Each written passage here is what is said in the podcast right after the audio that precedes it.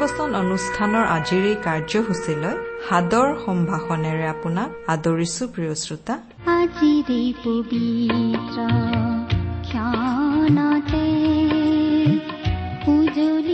প্ৰিয় শ্ৰোতা আপুনি নিজকে খুব অকলশৰীয়া অসহায় অনুভৱ কৰিছে নেকি?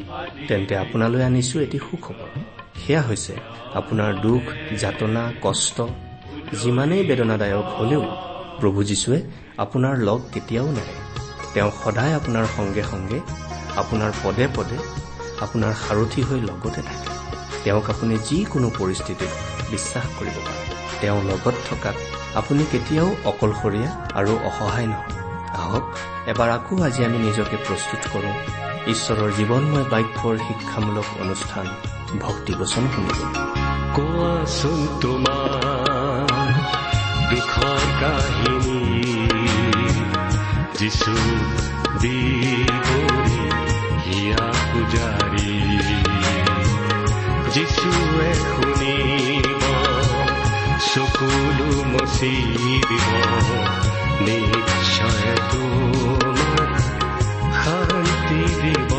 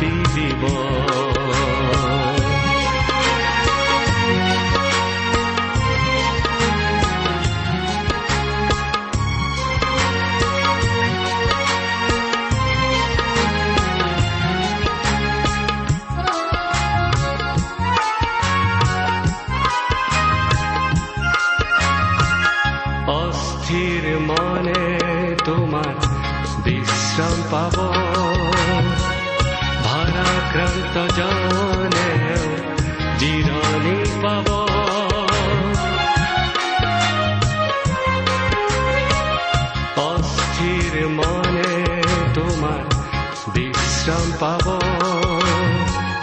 ভারাক্রান্ত জনে জিৰণি পাব। যিচুৰ কাষলে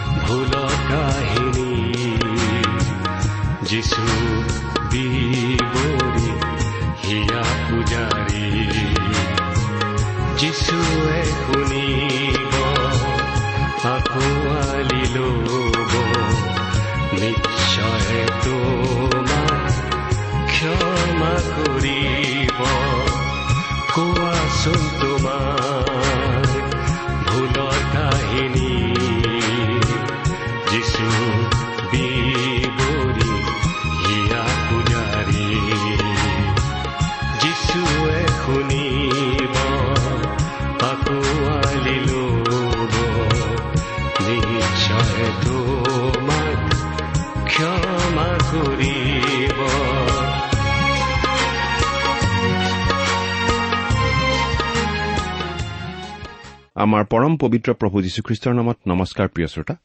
আশা কৰো মহান পিতা পৰমেশ্বৰৰ মহান অনুগ্ৰহত আপুনি ভালে কুশলে আছে। প্ৰিয় শ্ৰোতা আপুনি বাৰু আমাৰ এই ভক্তিপচন অনুষ্ঠানটো নিয়মিতভাৱে শুনি আছেনে? শুনি কেনে পাইছে আপোনাৰ মতামত আদি জনাই আমালৈ চিঠি লিখিবচোন। আমাৰ যোগাযোগৰ ঠিকনাটো আমাৰ এই অনুষ্ঠানৰ শেষৰ ফালে আমি জনাই দিম অনুগ্ৰহ কৰি লিখি ল'ব। আহকচোন আজিৰ বাইবেল অধ্যয়ন আৰম্ভ কৰাৰ আগতে খন্তেক প্ৰাৰ্থনাত মূৰ দুৱাওঁ হওক। প্ৰাৰ্থনা কৰো। স্বৰ্গত থকা অসীম দয়ালু পিতৃশ্বৰ আমি তোমাক ধন্যবাদ জনাইছো কিয়নো তোমাৰ মহান বাক্য বাইবেল শাস্ত্ৰ অধ্যয়ন কৰিবলৈ তুমি আমাক আকৌ এটা সুযোগ দিছা। তোমাৰ বাক্য তুমিয়েই আমাক বুজাই দিয়া। তোমাৰ স্পষ্ট মাত আমাক প্ৰত্যেককে শুনিবলৈ দিয়া কিয়নো এই প্ৰাৰ্থনা আমাৰ মহান ত্ৰাণকৰ্তা মৃত্যুঞ্জয় প্ৰভু যীশুখ্ৰীষ্টৰ নামত আগবঢ়াইছো। আমেন।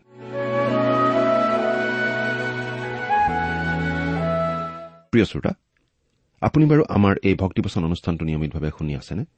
তেনেহলে আপুনি নিশ্চয় জানে যে আমি আজি কিছুদিনৰ পৰা বাইবেলৰ পুৰণি নিয়ম খণ্ডৰ হিতুপদেশ নামৰ পুস্তকখন অধ্যয়ন কৰি আছো। নহয়নে বাৰু?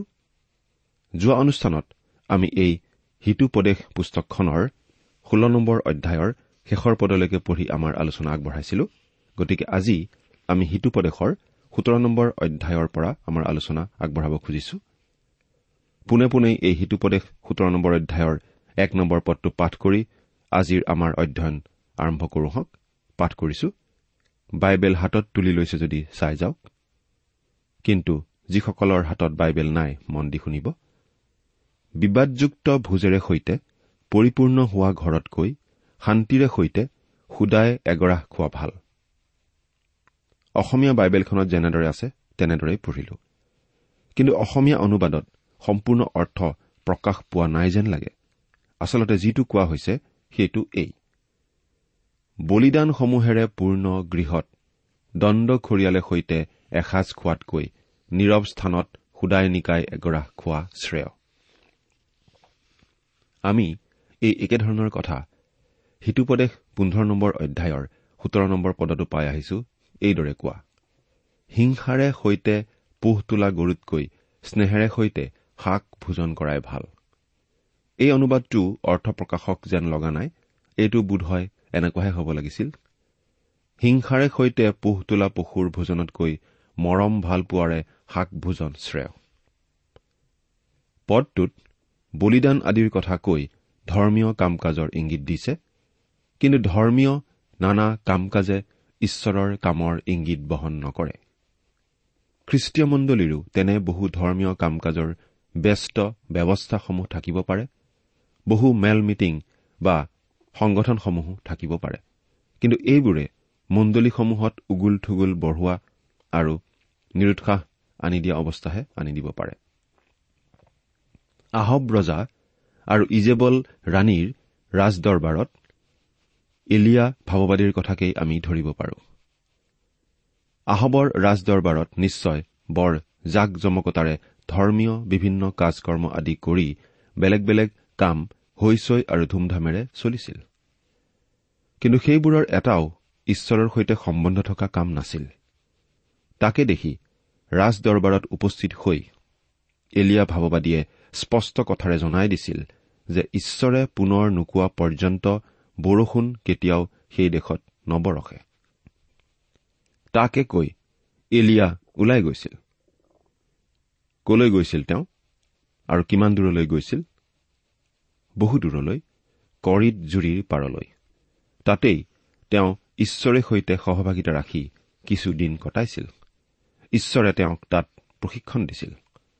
অৰণ্যৰ এটা নীৰৱ স্থানত তেওঁ বাস কৰিছিল। কি নীৰৱ নিস্তব্ধ হৈচৈ হাই উৰুমি নোহোৱা ঠাই। বলিদানসমূহেৰে পূৰ্ণ এখন গৃহত দণ্ড খৰিয়ালে সৈতে এসাঁজ খোৱাতকৈ নীৰৱ স্থানত সুদাই নিকাই এগৰাহ খোৱা শ্ৰেয়।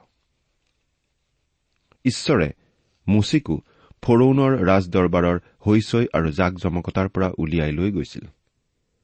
মিডিয়নৰ অৰণ্যলৈ লৈ গৈ তাতেই তেওঁক শিক্ষা দিছিল। মুচি আৰু এলিয়া দুয়ো নীৰৱ স্থানত সুদাই নিকাই এগৰাহ খাইছিল। ঠিক সেইদৰে কেতিয়াবা আমিও কৰ্মত ব্যস্ত থকা লোকসকলে সম্ভৱ হলে পুত্ৰ পৰিবাৰে সৈতে নীৰৱ ঠাইলৈ গৈ দুদিনমান অৱসৰ বিনোদন কটাই জিৰণি লৈ সজীৱ সবল হৈ ঘূৰি আহিব পাৰো। আৰু তেনেকুৱা কৰাটো আচলতে উচিত। পদ। বৃদ্ধিৰে চলা দাসে লাজ দিওঁতা পুত্ৰৰ ওপৰত অধিকাৰ পায় আৰু ভায়েকবিলাকৰ উত্তৰাধিকাৰৰ অংশী হয়। অবিশ্বাসী পুত্ৰতকৈ বিশ্বাসী দাসজন নিশ্চয় শ্ৰেয়। বিশ্বাস কৰিব নোৱাৰা পুত্ৰতকৈ বিশ্বাসযোগ্য দাস নিশ্চয় ভাল। এই পদটোৱে দুয়োৰে ছবি আমাৰ আগত দাঙি ধৰিছে। তেওঁলোক হল গৰাকী আৰু দাসৰূপে অব্ৰাহাম আৰু ইলিয়েজৰ আৰু পিতৃ আৰু পুত্ৰৰূপে ডায়ুদ আৰু অপচালুম অব্ৰাহামে ঈশ্বৰক জনাইছিল যে তেওঁৰ উত্তৰাধিকাৰীৰূপে কেৱল তেওঁৰ দাস ইলিজৰেই আছিল আৰু সেয়ে তেওঁ এটি পুত্ৰ সন্তান পাবলৈ ইচ্ছা কৰে। এই কথা আদি পুস্তক পোন্ধৰ নম্বৰ অধ্যায়ৰ দুই নম্বৰ পদত পাব। পুত্ৰ সন্তান এগৰাকী পোৱাটো বৰ ভাল হ'ব বুলি তেওঁ ভাবিলে আৰু ঈশ্বৰেও তেওঁৰ প্ৰাৰ্থনা শুনিলে। কিন্তু পুত্ৰগৰাকী যদি পিতাকৰ বিৰুদ্ধে দেখাদেখিকৈ বিদ্ৰোহ কৰা ডায়ুদৰ পুত্ৰ অপচালুমৰ নিচিনা হয় তেন্তে তেনে পুত্ৰতকৈ অতি বিশ্বাসভাজন দাস ইলিজৰেই বহুগুণে ভাল। অব্ৰাহমৰ দাস ইলিয়েজৰৰ নিচিনাকৈ ডায়ুদৰো বহুকেইজন বিশ্বাসী পুৰুষ দাস তেওঁৰ লগত থাকি তেওঁৰ দুখ সংকটত তেওঁক সহায় কৰিছিল। ৰূপৰ নিমিত্তে খপা পাত্ৰ আৰু সোণৰ নিমিত্তে মহি কিন্তু হৃদয় পৰীক্ষা কৰোতা জিহুৱা। বিশুদ্ধ ৰূপ পাবলৈ হলে খনিৰ পৰা উলিয়াই অনা কেঁচা ৰূপখিনি খপা পাত্ৰত দিবলগীয়া হয়। আৰু সেইদৰে নিৰ্ভেজাল সোণ পাবলৈকো সোণখিনি গছগজীয়া জুইৰ মহিত দিবলগীয়া হয় আৰু তাকে কৰা হয় ৰূপ আৰু সোণত মিহলি হৈ থকা ভেজালখিনি আঁতৰাই পেলাবলৈ। সেইদৰে ঈশ্বৰে তেওঁৰ দাসসকলকো জুইৰ মাজেৰে কেতিয়াবা গমন কৰোৱাই তেওঁলোকৰ জীৱন সুন্দৰভাৱে গঢ় দিবলৈ। আমাক বলৱান কৰিবলৈ কেতিয়াবা তেওঁ আমাৰ হৃদয় পৰীক্ষা কৰে। তেওঁৰ পবিত্ৰ কামত ব্যৱহাৰ কৰিবলৈ তেওঁ আমাক তেওঁৰ অধিক যোগ্যতাৰ সন্তান ৰূপে গঢ়ি ল'ব বিচাৰে। ঈশ্বৰৰ কাৰণে আমি সোণ আৰু ৰূপতকৈ অধিক মূল্যৱান গতিকে তেওঁ আমাক যেতিয়া পৰীক্ষা কৰি চায় তেতিয়া আমি আচলতে নিৰাশ হ'ব নালাগে।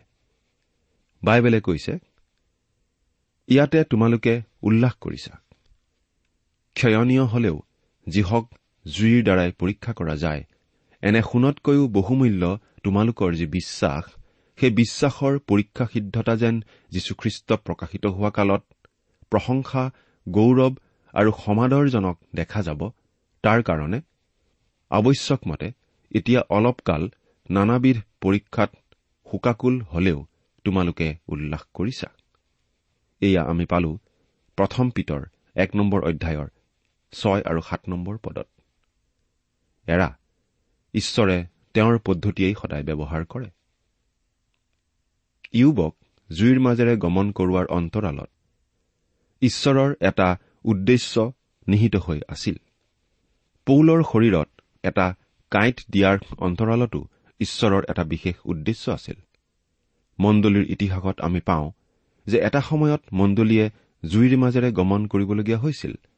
বহুতো সাধু সন্ত আৰু বহু খ্ৰীষ্টীয় বিশ্বাসকাৰীসকলে সেই জুইৰ মাজত শ্বহীদ হবলগীয়াও হৈছিল। আচলতে সেই কালচোৱাত ঈশ্বৰে মণ্ডলীখনক ভাঙি গলাই গঢ় দিছিল আৰু সেই সময়ডোখৰতেই আম্মিকভাৱে মণ্ডলী যিমান সুন্দৰ আছিল তাৰ আগতে কেতিয়াও সিমান সুন্দৰ নাছিল। আজিৰ আমাৰ খ্ৰীষ্টীয় মণ্ডলীৰ সমস্যাৰ কাৰণসমূহৰ মাজত এটা সমস্যা হৈছে যে মণ্ডলীখন বাধা বিঘিনিহীনভাৱে স্বচ্ছন্দে চলি যাব পাৰিছে। আমি আন্তৰিকতাৰে ভাবো যে সমস্যাৰ সেইটো আচলতে এটা কাৰণ। ইছৰাইলীয়া লোকসকলৰো এটা জাতিৰূপে জীৱন ধাৰণ কৰাত সেই সমস্যাই দেখা দিছিল। দ্বিতীয় বিৱৰণ বত্ৰিশ নম্বৰ অধ্যায়ৰ পোন্ধৰ নম্বৰ পদত মুচিয়ে এই ক্ষেত্ৰত এইদৰে বৰ্ণনা কৰিছে। কিন্তু যীচুৰণে হৃষ্টপুষ্ট হৈ লাঠি মাৰিলে তোমাৰ তেল ধৰিছে। তুমি থুলন্তৰ হৈছা চিকন হৈছা। তেতিয়া তেওঁ নিজ সৃষ্টিকৰ্তা ঈশ্বৰক ত্যাগ কৰিলে আৰু নিজৰ ত্ৰাণৰ শিলাক হেয়জ্ঞান কৰিলে। আমাৰ সন্দেহ হয় যে আজি আমাৰ মণ্ডলীৰ অনেক নেতা নেত্ৰী দাস দাসী আৰু বিশ্বাসকাৰী আৰু বিশ্বাসকাৰিণীসকল হৃষ্টপুষ্ট থুলন্তৰ চিকন লুডুৰ পুদুৰ নুদুকা তেল ধৰা চৰ্বিযুক্ত পেটাল পেটুলি হৈছে এনেকি অনেকৰ তেল ফটাত লাঠ মাৰিছে? মণ্ডলীত তেওঁলোকৰ সকলো আছে। তথাপি তেওঁলোকে ইটো নাই সিটো নাইকৈ আপত্তি কৰি থাকে। তেওঁলোকে সুখে সন্তোষে বাধা বিঘিনিহীনভাৱে থাকি কৰিবলৈ কতো একো কাম নেদেখি পৰৰ ভুল বিচাৰি ফুৰিছে আনৰ নেতিবাচক সমালোচনা কৰি ফুৰিছে আৰু তেনেকুৱা কামতেই ব্যস্ত হৈ ফুৰিছে। খ্ৰীষ্টৰ যি উদ্দেশ্য তেওঁৰ যি কাম তাত সহায় কৰিবলৈ একো নাই। সেয়ে কেতিয়াবা এনে এটা সময়ৰ প্ৰয়োজন হয় যেতিয়া ঈশ্বৰৰ এই সাধু সন্ত দাস দাসী আৰু বিশ্বাসকাৰীসকলে জুইৰ মাজেৰে গমন কৰি চেতনা ঘূৰাই পোৱাটো অতি প্ৰয়োজন হয়। আৰু ঈশ্বৰে প্ৰয়োজন সাপেক্ষে সেইদৰে কৰেও যাতে তেওঁ তেওঁৰ মণ্ডলীৰ উপযুক্ত সভ্য সভ্যাৰূপে তেওঁলোকক গঢ় দিব পাৰে। সেইদৰে গঢ় দিয়ে যাতে তেওঁ তেওঁলোকক তেওঁৰ কামৰ কাৰণে ব্যৱহাৰ কৰিব পাৰে। আকৌ এগৰাকী বিখ্যাত বাইবেল শিক্ষকে কোৱা কথা এষাৰ। আমি এই সময়তে মনত পেলাওঁ আচলতে এটা ঘটনাৰ কথা মনত পেলাওঁ। প্ৰভু যীশুক অধিককৈ জানিবলৈ আৰু তেওঁৰ অনুগ্ৰহ আৰু জ্ঞানত বৃদ্ধি পাবলৈ প্ৰাৰ্থনাৰ অনুৰোধ কৰি হেনো এগৰাকী মৰমী ভনীয়ে তেখেতলৈ এখন চিঠি লিখিছিল। কিছুদিনৰ পাছত সেই মহাশয়ে গম পাইছিল যে সেই মহিলাগৰাকীক ঈশ্বৰে কৰ্কট ৰোগহে দিলে। আমি সেইটো কেতিয়াও কামনা নকৰো। কিন্তু আমি জানো ঈশ্বৰে কিয় তেনেকুৱা কৰে। বিশুদ্ধ সোণ আৰু ৰূপৰ নিচিনা যেন হওঁ তাৰ বাবে ঈশ্বৰে তেনেকুৱা কৰে। সেই মহাশয় নিজেও তেজৰ কৰ্কট ৰোগত তেওঁৰ শেষ নিশ্বাস ত্যাগ কৰিছে। তেখেতে কৈ গৈছে যে এই ৰোগৰ কাৰণেই ঈশ্বৰ তেওঁৰ নিমিত্তে অধিক মূল্যৱান আৰু অৰ্থপূৰ্ণ হৈ পৰিছিল। এতিয়া ছয় নম্বৰ পদটো পঢ়ি দিছো। বৃদ্ধবিলাকৰ নাতিয়েকবিলাক তেওঁবিলাকৰ কিৰিটিস্বৰূপ আৰু পিতৃবিলাকেই নিজ নিজ পুত্ৰবিলাকৰ শোভাস্বৰূপ। আমি জানো যে বহু ককাদেউতাকে এই পদটো বৰ ভাল পায়। নাজানো কিয়। কিন্তু বহু সময়ত দেখা যায় যে নাতি নাতিনীবিলাকে মাক দেউতাকবিলাকতকৈ ককা আইতাসকলৰ লগতেই থাকিহে অধিক আমোদ পায় আৰু সময়ত বৰ অটপালিও কৰে। বোধ হয় এই সকলো অটপালি মৰমতে নীৰৱে সহন কৰি যোৱাৰ বাবে আৰু তেওঁলোকৰ পৰা সুন্দৰ সুন্দৰ গল্প কাহিনী শুনাৰ বাবেই নাতি নাতিনীয়েকহঁতে ককা দেউতাক আইতাকসকলক বৰ ভাল পায়। মই এগৰাকী ককা দেউতাক লগ পাইছিলো। নাতি নাতিনীয়েক ফুচুলোৱাৰ গান বা কথা তেওঁৰ নাছিল কিন্তু উপায় নাই। কিবা এটা কৈওতো ফুচুলাবই লাগিব সেয়ে তেওঁ দুটা শব্দকেই ওলোটা পোলোটাকৈ কৈ কৈ নাতিনীয়েকহঁতক ফুচুলাইছিল এনেকৈ। গিজিং গাপাং গাপাং গিজিং ইত্যাদি ইত্যাদি। এইদৰেই বৃদ্ধবিলাকৰ নাতিয়েকবিলাক তেওঁলোকৰ কীৰ্তিস্বৰূপ। বুদ্ধিমানৰ মনত এটা অনুযোগ বাক্য যিমানকৈ লাগে অজ্ঞানৰ মনত এশ কোবো সিমানকৈ নালাগে। প্ৰিয় শ্ৰোতা আপুনি কেতিয়াবা এনেকুৱা কোৱা শুনিছেনে? বেচেৰা মানুহজনলৈ চাওকচোন ইমান ভাল মানুহজন এনেকুৱা কষ্ট পাব লাগেনে? এৰা। ঈশ্বৰে দুখ কষ্ট দি কেতিয়াবা তেওঁৰ সন্তানবিলাকক অনুযোগ কৰে আৰু জ্ঞানী সন্তানবিলাকে সেই অনুযোগ বুজি পায় আৰু গ্ৰহণো কৰে। কিন্তু মূৰ্খই একো অনুযোগ নুশুনে। আকৌ কব খুজিছো মূৰ্খক অনুযোগ কৰা মানে গাহৰিৰ আগত মুকুতা পেলোৱাৰ নিচিনাহে কথা।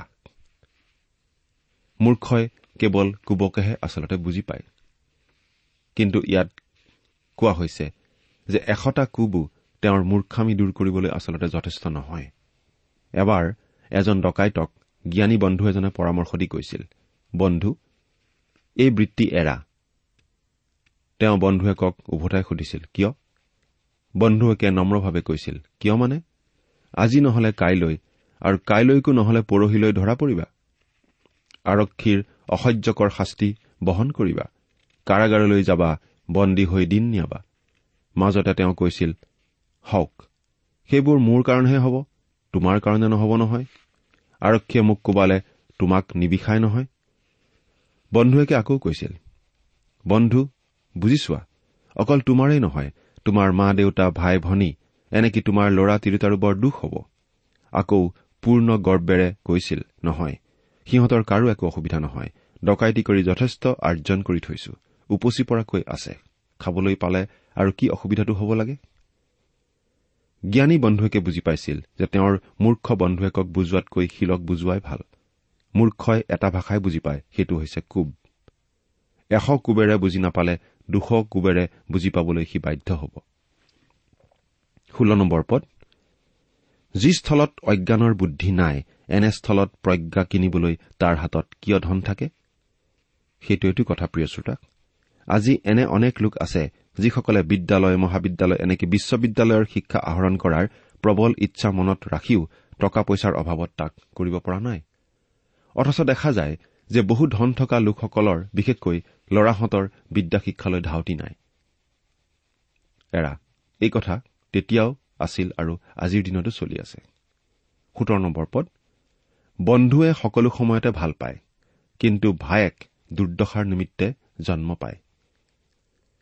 এই পদটোৱে জোনাথনৰ কথা আমাৰ মনলৈ আনি দিয়ে। জোনাথনে ডায়ুদক অনাবৰতেই ভাল পাইছিল। ডায়ুদ আৰু জোনাথনৰ নিচিনা বন্ধু হ'ব পৰাটো কি সৌভাগ্যৰ কথা নহয়নে বাৰু? ইস্কৰতীয়া জিহুদাৰ নিচিনা বন্ধুৱে বিশ্বাসঘাতকতা কৰি নিজৰ বন্ধুক বিপদতো পেলাব পাৰে। কিন্তু বিপদৰ বন্ধুহে আচলতে প্ৰকৃত বন্ধু। কিন্তু স্বাৰ্থপৰ বন্ধুৱে স্বাৰ্থ সিদ্ধি হোৱাৰ পিছত নীলাজৰ দৰে আঁতৰি যায়। একৈশ নম্বৰ পদ। যিজনে অজ্ঞানক জন্ম দিয়ে তেওঁ খেদ পাবলৈকে তাকে কৰে আৰু মূৰ্খৰ বাপেকে আনন্দ নাপায়। এই কথাটো আমি আগতেও পাই আহিছো। অজ্ঞান পুত্ৰৰ পিতৃ হবলগীয়া হোৱাটো যে সঁচাকৈয়ে বৰ দুৰ্ভাগ্যজনক কথা তাকে সোঁৱৰাবলৈকে এই বিষয়টো পুনৰ দোহৰা হৈছে।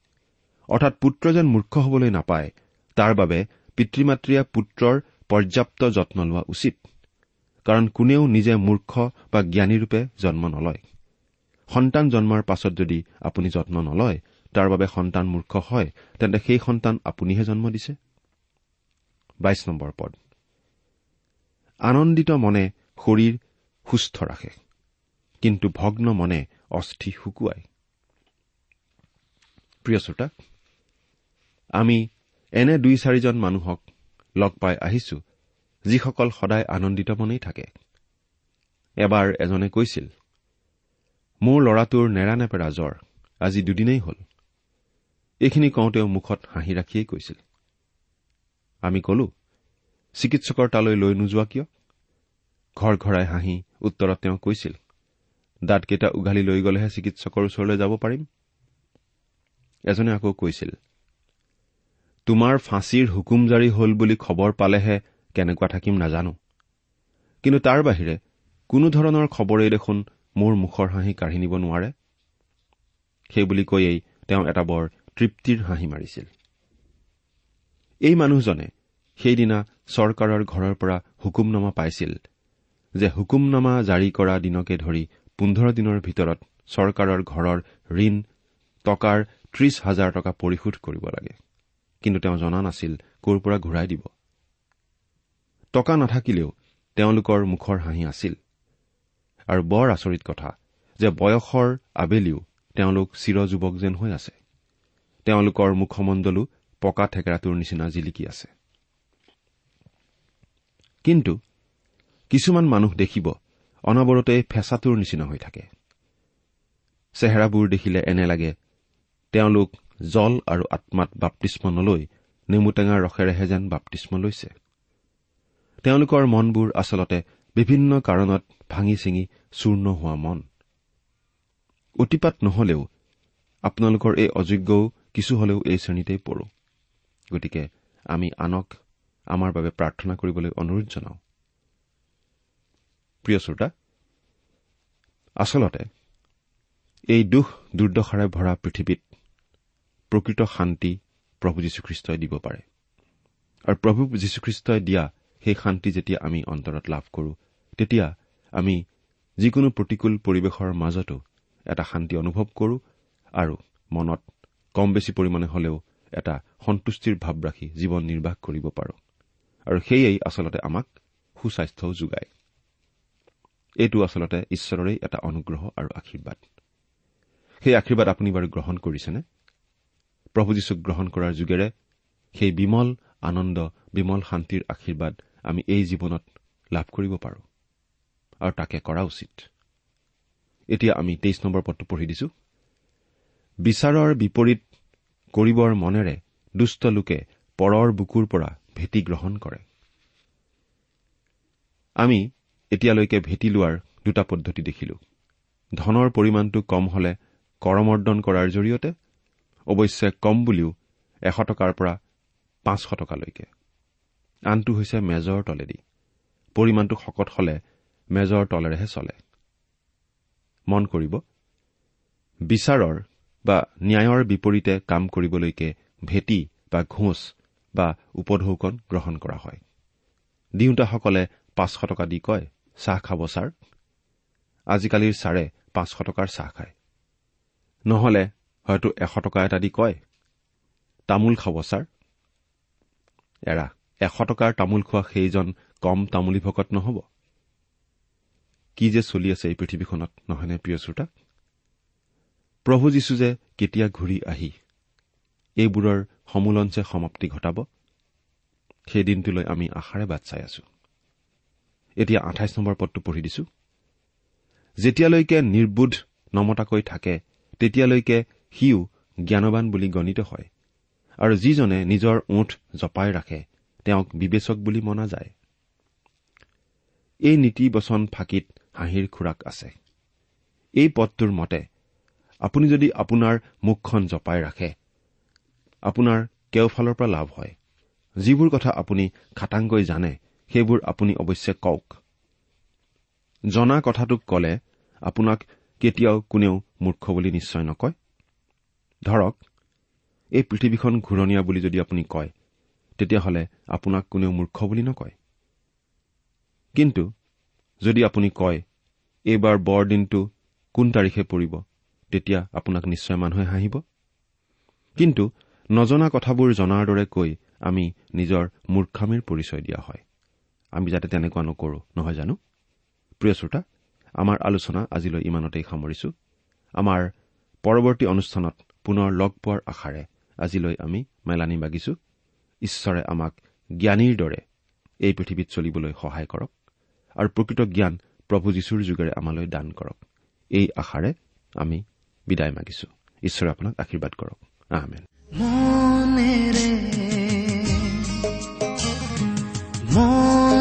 প্ৰিয় শ্ৰোতা ইমান পৰে আপুনি বাইবেল শাস্ত্ৰৰ পৰা ঈশ্বৰৰ বাক্য শুনিলে।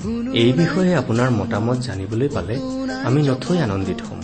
আমি প্ৰস্তুত কৰা বাইবেল অধ্যয়নৰ চিডিসমূহ পাব বিচাৰিলে আৰু অনুষ্ঠানত প্ৰচাৰ কৰা কোনো কথা বুজিব লগা থাকিলেও আমালৈ লিখক আমাৰ যোগাযোগৰ ঠিকনা ভক্তিবচন ট্ৰান্সপল ৰেডিঅ' ইণ্ডিয়া ডাক বাকচ নম্বৰ সাত শূন্য গুৱাহাটী সাত আঠ এক শূন্য শূন্য এক।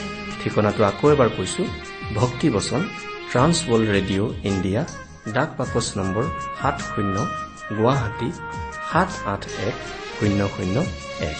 আমাৰ ইমেইল এড্ৰেছটো হৈছে Assamese T TV at the rate radio' eight eight two dot com আমাৰ website W W W dot T W R dot in আপুনি টেলিফোনৰ মাধ্যমেৰেও আমাক যোগাযোগ কৰিব পাৰে। আমাৰ টেলিফোন নম্বৰটো হৈছে nine eight five four zero' four zero' eight eight nine. Phone নম্বৰটো আকৌ এবাৰ কৈছো ন আঠ পাঁচ চাৰি শূন্য চাৰি শূন্য আঠ আঠ ন। আপুনি এই ভক্তিবচন অনুষ্ঠানটি আমাৰ website radio' eight eight two dot কমতো শুনিব পাৰিব। আজিৰ অনুষ্ঠানটি ইমানতেই সামৰিছো। ঈশ্বৰৰ শান্তি আৰু অনুগ্ৰহ আপোনাৰ লগত থাকক। ধন্যবাদ।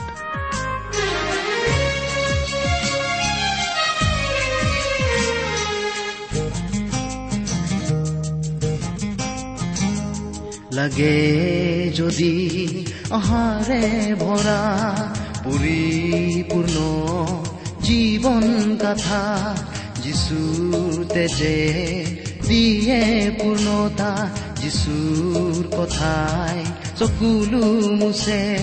যিচুৰ বাদে কোনো নাই তোমাৰ কাহ মনেৰে মনেৰে তুমি ভাবিছানে কোনো নাই কুতুমৰ কতো নাই জগতৰ যিচুৰ বাদে কোনো নাই। কোনো নাই কুতুমৰ কতো নাই জগতৰ যিচুৰ বাদে কোনো নাই। যিচুৰ বাদে কোনো নাই। যিচুৰ বাদে কোনো নাই।